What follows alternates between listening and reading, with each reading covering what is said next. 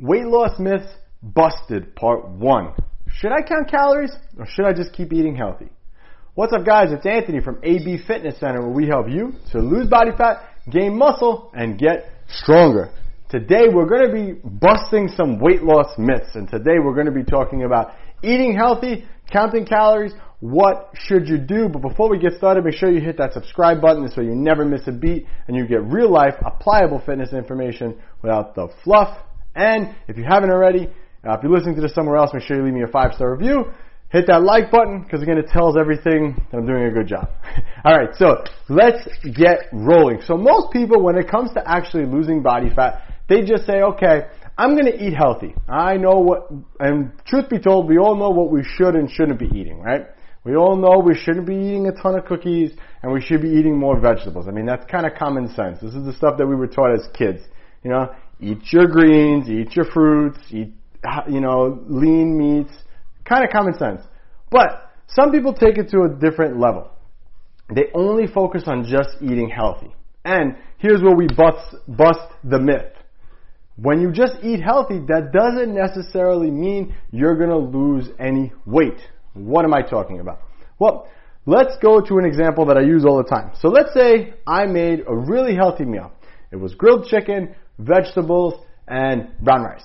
Again, really, really small bowl, brown, you know, just a small bowl of everything. And let's just say the total calories of it was 300 calories. Okay? Again, really healthy meal. So now I recreate the same meal, but now I cook all that food in two tablespoons of olive oil. Well, when I add the olive oil in there, which again is a really healthy fat, something that you should be consuming, that meal goes from 300 calories upwards to 500 calories, almost double. And why is that? And that's because in one tablespoon of olive oil is about 140 to 150 calories.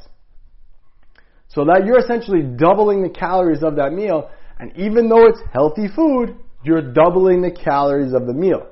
So by doing that, you're essentially consuming more calories. So this is why it is so important to focus on what you should be eating via a system. If you're just eating healthy and praying that you're going to lose weight, it's not going to happen. You're just guessing. And you're going to make mistakes like that just guessing. So you got to keep that in mind too. You need a system of eating. And it's almost like trying to drive cross country without a GPS. I live in New York. I would never try to drive to California without the GPS on. Besides the fact that I get lost driving around the block, if I drove to California without a GPS, I'd be lost. And it's the same thing with your fitness route. And most people have to go through this. I'm eating healthy. I don't understand why am I not losing weight? What's going on? Is there something wrong with me? This doesn't work. Forget it. And then they try some random diet. When it really comes to calories, okay? Calories give you a definitive number to follow. So, okay, I'm not losing weight. I'm having 2,000 calories every day. So it's a definitive number. Okay? It's definitive. It gives you that, that point. So now you could say, okay, I need to lower my calories or whatever you need to do to actually keep that scale moving in the right direction. But now you have something to fall back on. Otherwise, you're just guessing, and I don't want you to be guessing. So you need to also, I prefer to track calories. I prefer to track protein, carbs, fats. Okay, that's going to be so much more uh, easier and well-rounded when it comes to actually losing body fat. And if you're tracking your protein, your carbs, and your fats, that's going to give you a more accurate picture of exactly what you're eating. So that's first and foremost.